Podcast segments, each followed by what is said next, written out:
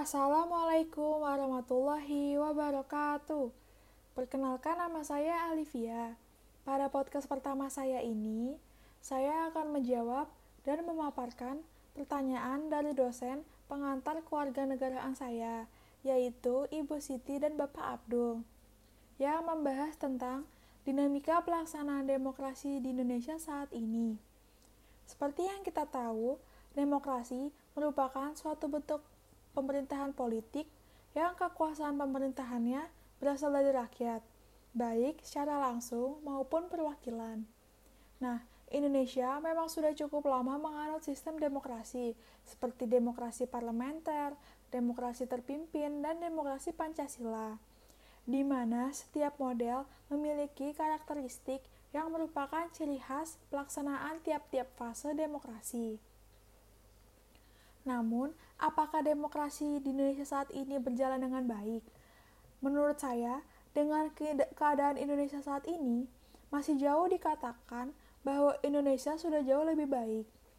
Justru sebaliknya, Indonesia terus mengalami kemunduran dan masih jauh dari kata sempurna dalam bidang politik, ekonomi, dan sebagainya.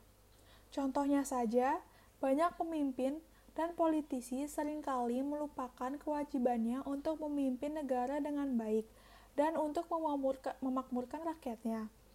Mereka lebih mementingkan diri sendiri atas kekuasaan dan keserakahan yang akhirnya membuat mereka nekat untuk menjadi seorang koruptor.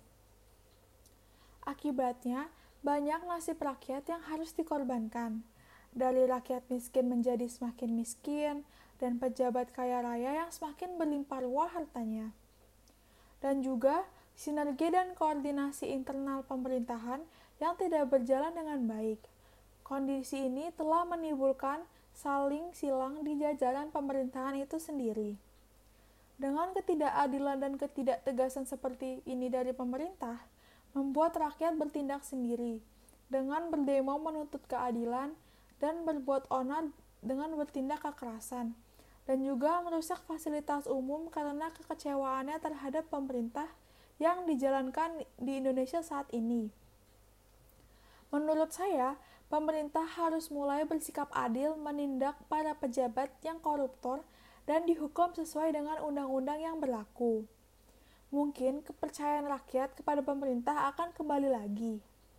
Namun sayangnya hal itu belum juga ditunjukkan oleh pemerintah Indonesia dan kemungkinan runtuhnya demokrasi di Indonesia akan tetap ada.